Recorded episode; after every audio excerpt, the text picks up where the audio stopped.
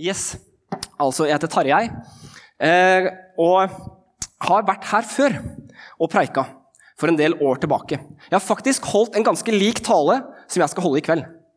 Den gangen så hadde jeg akkurat vært student, eh, jobba litt, litt som forsker. Jeg tjente helt sånn minstelønns. Men jeg sa til de som var her den gangen, da, at eh, jeg har utdanna meg til å bli lege. Så en gang framme i løypa så kommer jeg til å tjene masse penger. Jeg gjorde ikke det da, men det ligger i korta. Eh, og jeg talte denne gangen fra hjertet mitt om hvordan forvalte penger. Og så har jeg etter den gangen faktisk blitt lege. Nå er jeg fastlege i en liten kommune i Norge, og det er lik tjene masse penger. Eh, og dere kan le litt av det, men jeg adresserer det med en gang. Fordi at den talen jeg taler til dere i kveld, den taler jeg mest til meg selv. Jeg står midt i mållinja for den talen og de bibeltekstene som jeg skal ta opp. Så hvis du føler deg truffet, så føler jeg meg mer truffet enn deg. Ok? Dette er helt på skikkelig. Eh, og vi skal altså snakke om penger. Dere har en taleserie her i Misjonssalen om penger, om mammon. Sånn fremmedord. Det handler om rikdom. Ikke sant? Og jeg skal prøve å ta min tilnærming til dette temaet. Og så er vi heldigvis flere som taler her om dette temaet, så blir det litt nyansert. Og så får dere ta med dere det dere kjenner for dere, og som faktisk er fra Gud, og ikke bare noen sånne dumme ting som jeg lirer av meg. Altså tema 'velsignet for å velsigne'. Og Første spørsmål til dere i kveld det er Er du rik? Er du rik? Rikdom kan vi ha flere måte, eh, måter å tenke om. Du kan være rik på venner, du kan være rik på sosial kapital, du kan være rik på mange ulike områder. Det vi snakker om i kveld, det er penger. Det er penger. Ok? Så spørsmålet er er du rik. Og Det er litt rart å stille det nå, fordi at det, verden ser litt rar ut. Plutselig så har vi inflasjon og så har vi det ene og det andre som gjør at vi i Norge plutselig jeg tror vi prøver å fortelle en historie om at vi har det helt forferdelig i dette landet. her. Aldri stått så dårlig til faktisk som det gjør akkurat nå. Og vet du hva? Sorry, altså. Det er løgn. Det er sånn kjempeløgn. Det vil ikke si at det kan være folk her inne nå som kjenner at det, du, det, det er skikkelig vanskelig økonomisk. Det kan skje. Og hvis du kjenner på det, vet du hva? ikke kjenn at jeg tråkker på deg nå. Vet du hva? Det går an å sitte trangt i det i disse tider. Men det sagt er du rik? Hvis du bor i Norge, i dette landet her, i dette året her, og tar en kikk ut i verden på hvordan ståa er, så er fasitsvaret yes! Du er rik! Du er steinrik! I verdenshistorien er det nesten ingen som har vært så rike som det vi er. Du har masse tilgang på rikdom. Den grafen her den viser litt av dette. Eh, og derfor jeg måtte ha med meg to pekere, fordi den har ikke laser. Den har laser. Ok, dere ser. Yes. Dette her, det er forbrukerundersøkelsen som ble gjort sist i 2012. Det kommer en ny en om et år eller to, som viser ganske nøye kartlagt hvordan bruker nordmenn pengene sine. Og vi ser at I 1958 så brukte nordmenn omtrent 40% av alle pengene sine på mat. Så hadde vi en liten sånn tier til bolig og litt mindre til transport. Så går åra. Velstandsutvikling i det landet her. Og hva skjer med det vi bruker på mat? Boom! Det stuper. Eh, ned til rundt 10-12% Og når jeg leste noen kommentarer til denne grafen her, så var kommentarene var Det er ikke spesielt billig med mat i Norge for da skulle den grafen synke enda mer. Og da tenkte jeg Idioter, altså. Er det det de ser av den grafen her? Det som stråler imot på den grafen her, er at vi bruker latterlig lite penger på mat. Hvis du tar et u-land i verden og ser hva kjennetegner et land det er dårlig å bo i, det er at du bruker nesten alle pengene dine på mat. For det First things first. Vi må overleve, altså mat. Så kan vi ta bolig, så kan vi ta bilen. I Norge Dette her det er sånn interiørkataloger. Ikke sant? Vi har så mye penger at vi ikke trenger å bruke det på mat lenger, så vi kjøper hus 1, hus 2, hytte ved sjøen, hytte ved fjellet. Så stiger den boksen der. Transport, bil 1, bil 2, bil 3. Faktisk ja, litt nyanser, men poenget er denne reflekterer budskapet som jeg sa aller først. Er du rik? Ja, vi er rike. Du er rik. Og da er jo spørsmålet, Har Jesus noe å si til oss om det? Og Dere lærte forrige gang. Ja, han har det. Og jeg skal ta dere gjennom en del momenter rundt dette her. Og Vi starter med den rike unge mannen, den rike mannen. Det står litt forskjellige ting, men vi er i Lukas' evangelium. Og Jeg setter den på nattverdsbordet, beklager. Eh, det er en ung mann. Det er en mann fra Rådvel som kommer til Jesus og sier, 'Jesus, mester, hva skal jeg gjøre for å arve evig liv?' Og Jesus jeg, vet du hva, jeg tror han der han er oppriktig, fordi til slutt i denne historien så går han bedrøvet bort fra Jesus. Så jeg tror han faktisk han er keen på å henge med Jesus. Han, han har lyst til å føle Jesus. Og han sier, 'Hva skal jeg arve, gjøre for å arve evig liv?' Og Jesus sier til ham, 'Du kjenner budene, du kjenner loven, du skal gjøre sånn, du skal hedre din far og din mor', og så videre. Og han sier, 'Jeg har gjort alt det der'. Og Jesus som er Guds sønn, og som kan se gjennom marg og bein. Han, ser rett inn i hjertet til denne unge mannen, og så sier han Én ting mangler du. Én ting mangler du. Selv alt du eier, gi det til de fattige, så skal du få en stor gave. Selv alt du eier. Jesus har spotta at i denne mannens liv så er det noe som hindrer han fra en så sant følge Jesus. Det er rikdommen hans. Og da kommer denne linja hvor den rike unge mannen og det står da Jesus da, altså, Han går bort fra Jesus, og så står det Da Jesus så hvor bedrøvet han ble, sa han. Hvor vanskelig det er for dem som eier mye, å komme inn i Guds rike. Det er lettere for en kamel å gå gjennom et nåløye enn det er for en rik å komme inn i Guds rike. Hvem kan da komme inn i Guds rike? Ingenting er umulig for Gud. Men hva er det det står her? Det er vanskelig for en rik å komme inn i Guds rike. En kjent taler han sa det sånn som det her. Han hadde brukt 20 år på å prøve å skjønne hva mener du Jesus, når du sier det er vanskelig for en rik å komme inn i Guds rike. Og Etter 20 år så kom han fram til denne konklusjonen. Det denne setningen betyr, det er Det er vanskelig for en rik å komme inn i Guds rike. Det er det det er! Han prøver ikke å si det på en rar måte. Jesus sier det rett fram. Vet du hva? Hvis du har mye penger, det er en utfordring for deg. Det er noe som kommer til å, det kommer til å begynne å gnage og begynne å ta hjertet ditt. Og det kommer til å gjøre det utfordrende for deg å følge meg. Treffer dette meg? 110% Tarjei, sier Jesus. Du er rik, og det betyr at det er vanskeligere for deg å følge meg enn en del andre som har mindre. Ok. Det kjenner jeg som en ganske stor utfordring. Jeg kjenner det utfordrende å lese det. Litt tidligere i Lukas' evangelium så sier eh, Jesus ingen slave kan tjene to herrer. Han vil hate den ene og elske den andre, eller holde seg til den ene og forakte den andre. Dere kan ikke tjene både Gud og mammon. Pengene, rikdommen.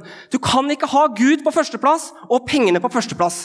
Hvis jeg søker pengene av hjertet mitt og setter det som siktemålet mitt, Bom!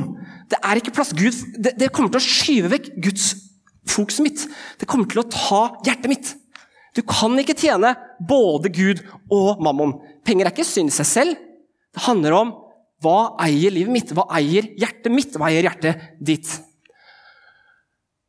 Og Paulus han skriver til Timoteus men de som vil bli rike, faller i fristelser og snarer og gripes av mange slags tåpelige og skadelige begjær, som styrter mennesker ned i undergang og fortapelse.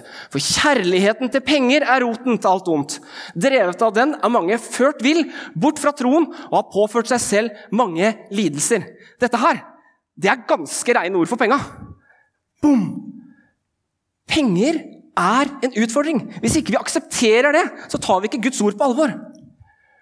For kjærligheten til penger er roten til alt ondt. Første personlige historie i kveld.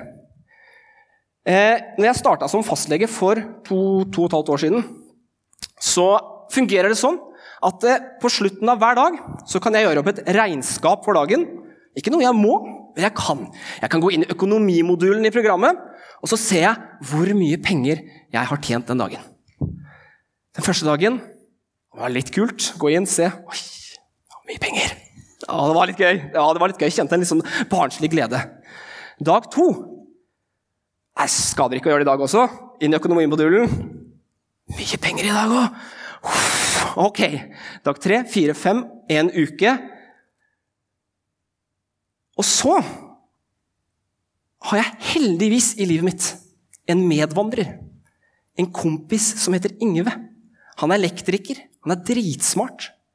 Han, er, han, er, han har så innsikt, og han ser meg i korta i livet mitt. Så, så går det litt tid, bare, og så sitter jeg på kontoret, vet at jeg skal snakke med Ingve, og så bare Svarte. Det har ikke gått mer enn to-tre uker, tar jeg, i den jobben her, før disse penga, for det Jesus snakker om Kjærligheten til disse penga Altså, det begynte mm, å nappe tak i hjertet mitt med en gang. Det tok bare noen få dager og uker før jeg begynte å merke et skift i hodet mitt i fokus. Fordi det er fullt mulig å tjene litt mer penger. Hvis jeg gjør sånn og sånn, og sånn, så kan jeg øke inntjeninga mi enda mer. Bam, bam, bam. Og jeg bare Jeg fikk en sånn aha-opplevelse.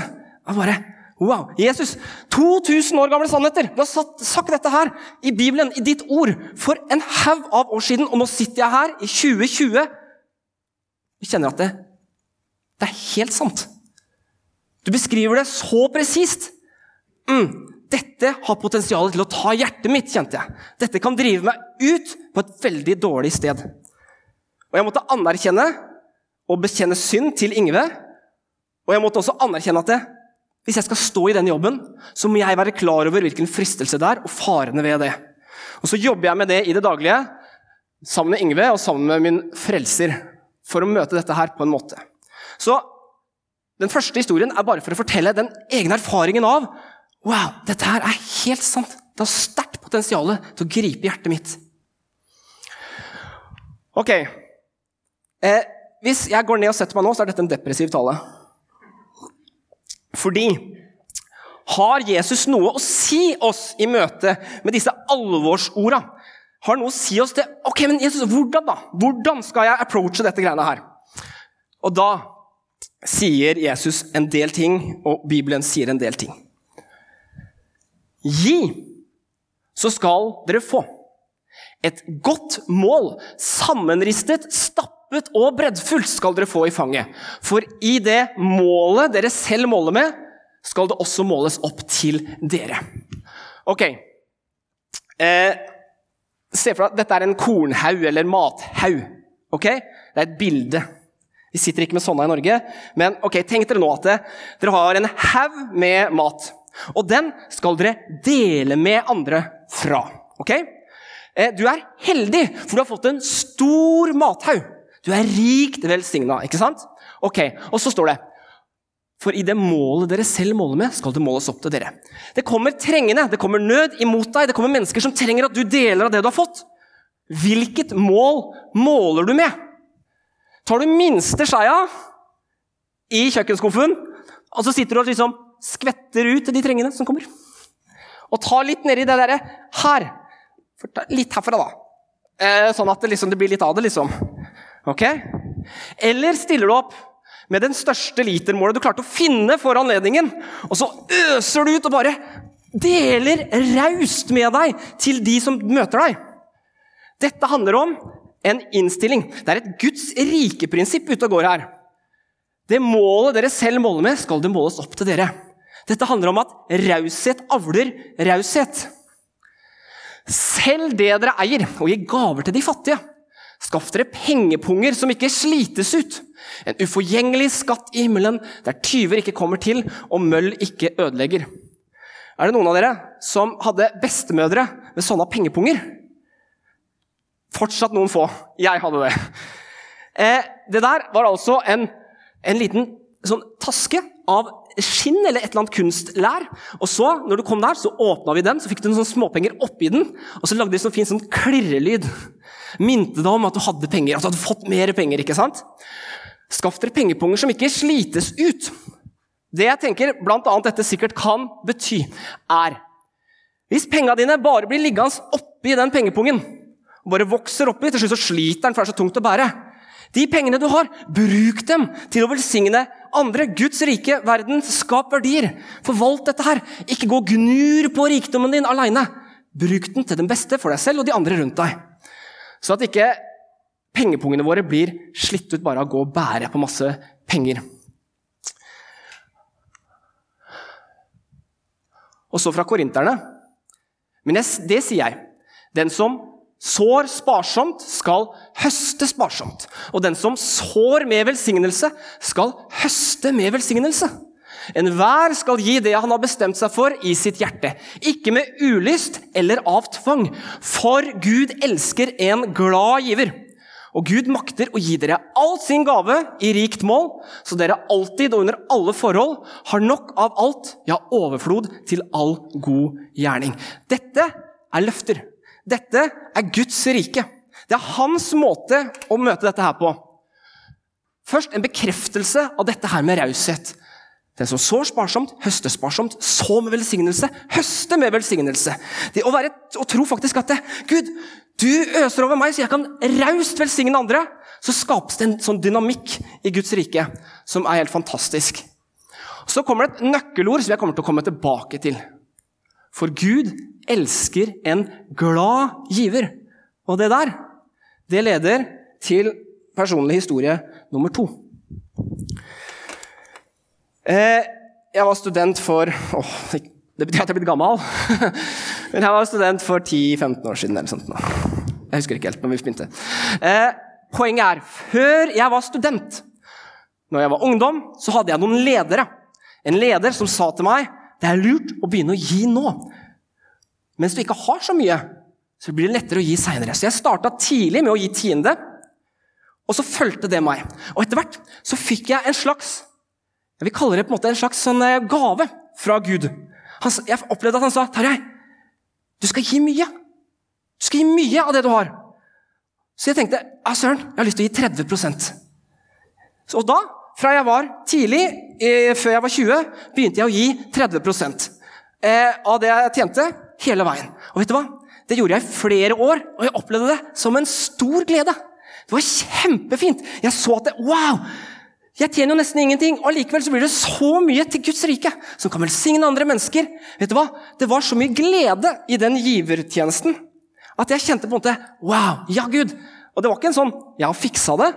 Det var en 'Å, takk at jeg får lov til å gjøre det her, Jesus'. Følge deg med pengene mine også. Og jeg syns det var helt nydelig. Oi. Så kom det en tid hvor jeg forvalta pengene mine ganske dårlig. Jeg kjøpte noe jeg ikke burde kjøpe. Jeg hadde litt for lite penger til å betale regningene mine. Jeg var en dårlig husholder. Det som var at Jeg hadde en egen konto som het tiendekonto. Det er der jeg satte pengene inn på. Og så tok jeg fra å betale til tiende og ting jeg som jeg tenkte jeg skulle velsigne andre med. Men den kontoen var jo nettbanken min. Og så hadde jeg litt lite penger på den brukskontoen til å betale regninger med.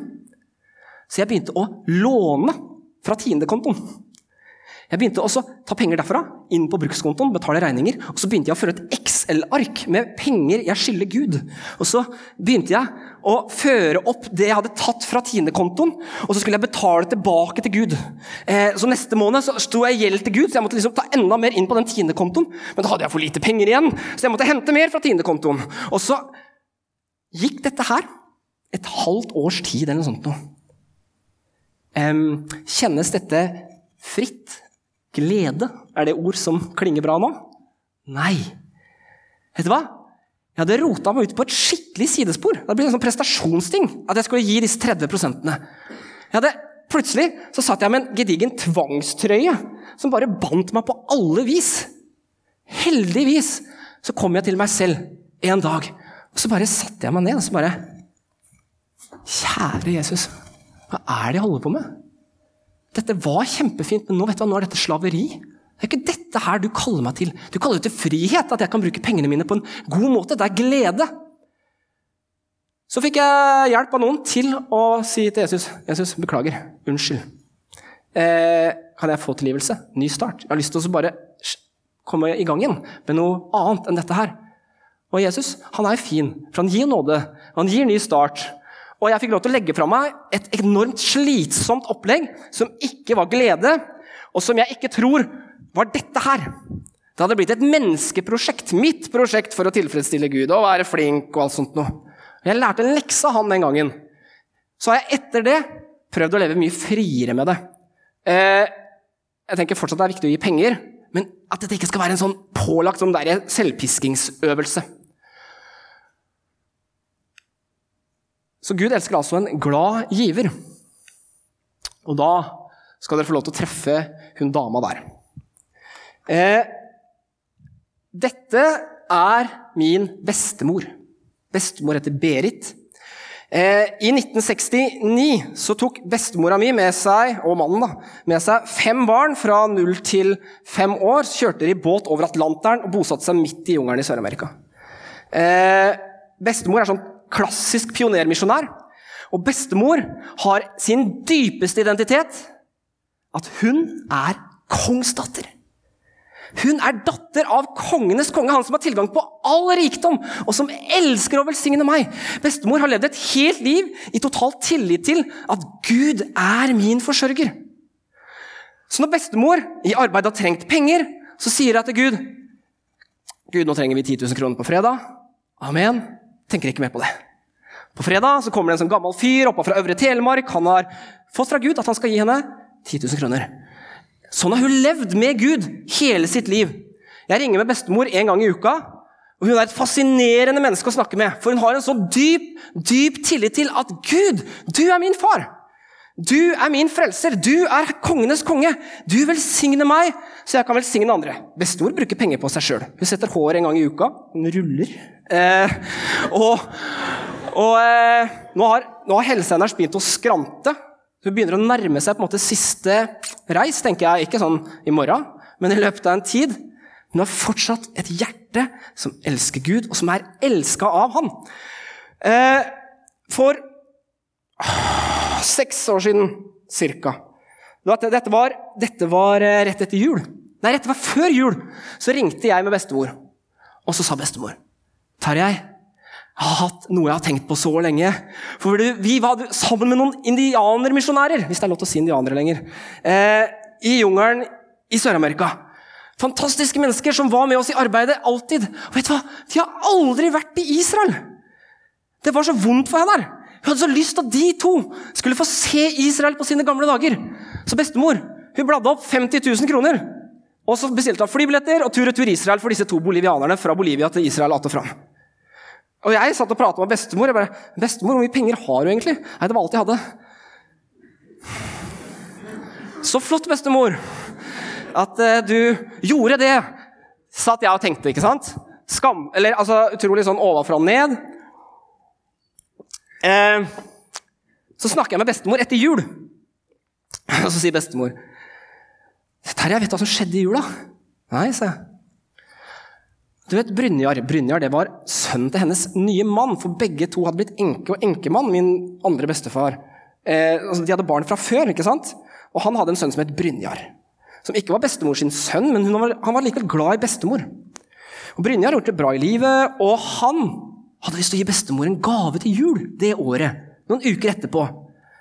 Og så Hvor mye penger tror du bestemor fikk i gave av Brynjar den julaften der? 50 000? Ja, riktig! Helt riktig. Bare noen sånn få uker seinere gir han henne 50 000. Og så fortsetter hun. Vet du hva? Jeg fascineres så enormt av bestemora mi. Eh, jeg tror det er sunt å spare. Jeg tror det fins måter å forvalte penger på som måtte, at vi skal være edruelige. Vi skal planlegge. Så jeg må ikke lese meg som at vi nå skal bare kaste ut alle pengene våre og gi dem vekk. Det er ikke det jeg sier. Men det er noe grunnleggende fascinerende med et menneske som så har så grunnleggende tillit til sin far. At hun kan si Gud, nå, syns, nå vil du at jeg skal gjøre det her. Da gjør jeg det, for du vet at han er min forsørger. Jeg prøver å ligne på bestemora mi. For jeg syns hun er verdt å ligne litt på, for hun viser noen av Jesus-egenskapene i dette med raushet som avler raushet. Eh, Eh, altså, en fascinerende person nå. Hun er sånn, jeg digger Donald Trump og eh, eh, Klarer å si ting som at Putin er vel kanskje ikke så ille, liksom. Er ikke det. Poenget er at det hun digger, er mennesker som sier 'Gud er Gud'. Og så sier jeg ja, men de er jo så hyklere! Ja, jeg vet det, sa jeg. Men hvis de Nebukadnesa var en fyr, han òg, sier hun da. Og så lar vi det være. Men hun har bunnløs tillit til at Gud er hennes forsørger. Jeg bare forteller, jeg prøver å si det, nyansere det, for hun er menneske. Ikke sant? Hun er ikke noen helgen. Hun er et menneske som har erfart at Gud er den han sier han er. Han forsørger meg. Han, han, han, han holder sitt ord. Så bestemora mi er ei rå dame. Så litt om litt sånn praktisk. Hvordan gjør vi dette greiene her? Og Da kommer første punktet, tiende. Jeg er litt glad for at vi tok opp kollekten før denne talen. sånn at ikke dere satt der med verdens dårligste samvittighet og bare skulle liksom gi penger etterpå. Eh, gjør det neste gang istedenfor. Eh, skal vi gi tiende? Jesus han sier ved dere altså Det er ikke et pent ord. Ved dere skriftlærde og farisere. Dere hyklere! Dere gir tiende av mynte og anis og karve, men forsømmer det som veier mer i loven. Rettferdighet, barmhjertighet og troskap. Det ene burde gjøres, og det andre ikke forsømmes. Jesus peker altså på noe som er viktigere enn tiende. Men han sier du skal gjøre det andre også. Han bekrefter på en måte at tienden eksisterer. Det å gi en tiendedel av det vi tjener, det sier Jesus, det er en god ting. Jeg liker det, sier han. Eh, og så er det et prinsipp i Bibelen som heter førstegrøde. Og dette her er kjempelogisk, og dere kan bare gå hjem og teste det. Dette er en eplehøst. Eh, teksten som står i Bibelen, handler om at de høsta inn fra åkrene sine. Og Da var det sånn at de tok det første de fikk satte de til side, ga til Gud, og tok de neste til seg selv. Så det første som kom inn, det ga de til Gud. Har dere prøvd å få inn lønna på en konto, og så prøver dere å spare gjennom måneden, sånn at når dere kommer til den 30., så kan dere gi til Gud? Eh, er det vanskelig? Har de pengene en tendens til å gå? Ja. Eh, derfor, når du får inn penga på konto, så er det et kjempegrunnleggende og nyttig bibelsk prinsipp å ta tienden. Sett den vekk med en gang. Jeg har som jeg sa i sted, en tiendekonto, og det har fungert helt utmerket utenom når jeg begynte å stjele fra tiendekontoen. så ikke gjør det. Eh, jeg har en tiendekonto. Når jeg får penger inn, setter jeg penger rett over på den, så trekker jeg alt fra den. Da er det på en måte utafor regnskapet. Og det som er greia, er at eh, når jeg begynte å gi tiende, så tjente jeg omtrent 500 kroner i måneden. Da ga jeg 50 kroner. Er det mange av dere som kjenner på kjempe, at det er kjempevanskelig å gi 50 kroner? Jeg tror ikke det. Jeg tror de fleste kjenner på at det er innafor rekkevidden. Ok, Så gikk det noen år, så tjente jeg 5000 i måneden. 500 kroner. Det er en tidobling av tienden. Det er ganske mye mer velsignelse som når ut til mennesker på den månedslønna der. Veldig mange av dere, når dere etter hvert er i faste jobber, kommer til å tjene minst 50 000 i måneden. Det er 5000 kroner hver enda måned rett inn i Guds rike, som kan velsigne mennesker. Tenk her inne. Hvor mange er vi her nå? 100? Hæ? 250 ganger 5000. Hver måned. Det er helt sjukt mye penger. Han ene onkelen min han sier at kristenfolket de skylder Gud så sinnssykt mye penger. eh, vet du hva? Poenget er Hvor mange her er det som går på videregående? Nei, det var veldig få. Hvor mange her er studenter? Ja, Det er bra, for dere tjener ikke så bra da. Hvor mange er det som er i jobb? Flott! Ok, vet du hva? Det å starte med denne tiendepraksisen her, når du ikke tjener så all verdens mye penger, det er helt konge. Fordi at du tar med deg vanen din inn når du begynner å tjene mye penger. Vet du hva? Å starte blanko og begynne å gi 5000 av det du tjener i måneden, det er vanskelig. Kjempevanskelig. Men hvis du har tatt med deg vanen fra tidlig av, så går det der nesten av seg selv. Og utrolig mye velsignelse som går til Guds rike, og pengestrømmen blir ikke noe problem inn i Guds rike. Ok. Er dere med? Ja, det er bra. Men husk dette her, da. Ikke med ulyst eller av tvang, for Gud elsker en glad giver. Vi må prøve oss sjøl. Hva er dette prosjektet her? Er det at jeg skal være god, eller at du er god? At jeg skal gjøre så mye bra, eller at du har velsigna meg, så jeg kan velsigne andre. Og Da må vi prøve oss sjøl og gå i fellesskap med hverandre. Ok, Praktiske tips oppsummert. Gud elsker en glad giver. Førstegrøde. Ta det med en gang du får det på konto. Tar du pengene, setter de til side, så slipper du å tenke på det her. Det går mye lettere. For å erfare løftene må du ta det første skrittet i tro, og det krever en liten setning om min bestemor. For jeg ringte med bestemor. Ja, som jeg sa, jeg gjør det litt ofte. Og By the way, Det er bare innskutt setning. Eneste grunn til at jeg klarer å ringe regelmessig med bestemora mi, er at jeg har satt et sånt tidspunkt hvor jeg vet jeg er i bilen og ikke har noe annet å finne på. Så ringer jeg henne hver gang på det tidspunktet. En gang i uka. Eh, gamle bestemødre de setter pris på telefonen fra sånne barnebarn som begynner å bli voksne. Eh, og det verste er at jeg tror jeg, jeg lærer mest av hun, selv om jeg krangler med henne om Donald Trump og, og Putin. Eh, hun, bestemora mi, hun sa en gang For jeg var sånn derre når du gir 50 000, og du får 50 000, hvordan i verden kommer du dit? At du har den tilliten til Gud? At, eh, at, at det skjer? Og da bare sier jeg sånn oppgitt på telefonen Terje, da. Og så bare Ja, hva mener du? Du er bare nødt til å begynne å gå.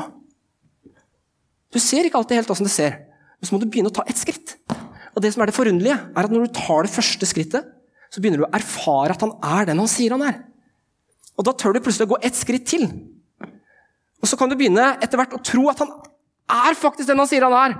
Og at de løftene han har, de er faktisk sanne. Men hun sa det skjer ingenting av den erfaringa hvis du bare står stille og er litt nervøs for å gå. For mm, er du den du sier, Gud? Vet ikke helt. Og så blir vi stående her i defensiven. Så råd fra bestemor begynn å gå. Sett føttene ut og begynn å trå i litt ukjent landskap. Og se at han er, at han er den han sier han er. Siste punkt raushet avler raushet. Dette her det er dønn sikkert, altså. Så hvis vi praktiserer raushet økonomisk, sosialt, mellommenneskelig, på alle mulige måter, så avler det raushet. Og det bygger kultur i denne menigheten og i de settingene hvor dere er utafor menigheten. Et fantastisk Guds rike-prinsipp. Å ja. To ganger. Eh, jeg skal avslutte med et bibelvers fra 5. Mosebok. Fordi at israelsfolket hadde vært slaver i Egypt. De hadde vært på en lang vandring sammen med Gud, og de er på vei inn i løfteslandet som flyter av melk og honning. Og På det tidspunktet i historien så får de en, en, en sånn heads up før de går inn i løfteslandet. Så leser vi det her. Når du spiser og blir mett, når du bygger fine hus og bosetter deg i dem, når ditt storfe og småfe øker i tall. Når du får mengder av gull og sølv, og hele din eiendom vokser. Dette er israelsfolket for en haug av år siden. Vet du hva? Fortsatt, Jeg står her nå, men jeg fryser alltid på ryggen når jeg leser dette verset her. For når jeg leser det verset her, så leser jeg meg. Jeg leser oss. Jeg leser Norge.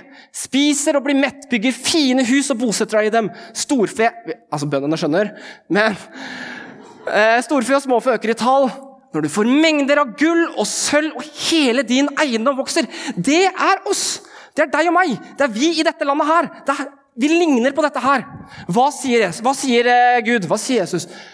Vokt deg da så du ikke blir hovmodig og glemmer Herren din Gud. Han som førte deg ut av Egypt og ut av slavehuset. I møte med min rikdom så fristes jeg til å si Så flink jeg har vært. Så godt jeg har gjort dette greier. Jeg fortjener jo disse penga her. Nei, nei, nei! Hvem er det takket skal gå til? Det er én som skal ha takk. Og det er at jeg i møte med alt jeg får, kan stoppe opp og si hver gang Takk, Jesus. Det er helt utrolig at jeg får lov til å stå her og at du har velsigna meg på denne måten. Ta hjertet mitt, Jesus, så ikke jeg blir hovmodig og glemmer deg. Men at jeg har deg som ledestjerne, sånn at det, når jeg opplever alt dette her, som vi gjør, så er hjertet vårt på rett plass. Og hjerteforholdet til Han på rett plass. Og at vi ikke blir hovmodige, men at vi takker Han for at det er Han som velsigner, og at Han som bevarer oss, og Han som frelser oss. Det var det jeg hadde tenkt til å si til dere i dag. Vi er velsigna enormt masse. Og jeg tror vi er velsigna for å velsigne videre. Hverandre her inne og de der ute. Så håper jeg ikke dette her ble en sånn mm, ting, men dette er fantastisk bra. Det er kjempebra. Guds rike og Jesus har masse til oss på dette området her. Så håper jeg dere får fine taler videre i serien som eh, forteller om enda mer av bredden i dette her med rikdom, og hvordan vi forholder oss til det. Jeg ber til slutt. Gode himmelske Far. Eh, vi er latterlig privilegerte. Vi er ufattelig velsigna. Vi bor i dette landet her, og du har gitt oss så mye som vi skal være takknemlige for. Jeg ber deg, Jesus, først og fremst om at du skal ta hjertet vårt. At det, ikke hjertet vårt skal bli fanga av denne rikdommen og vellysten og gleden og alt dette her, men at vi skal ha deg som ledestjerne. Det er du som eier hjertet vårt. Eh, velsign oss her inne. Eh, vi er dine sønner og døtre. Vi har alt det du har, Jesus. Det har du gitt oss. Så ber jeg om at vi skal gi det videre, sånn at det blir til velsignelse for menneskene vi møter, og for verden der ute. Så din kjærlighet og ditt rike kommer videre utover Jesus. I ditt navn. Amen.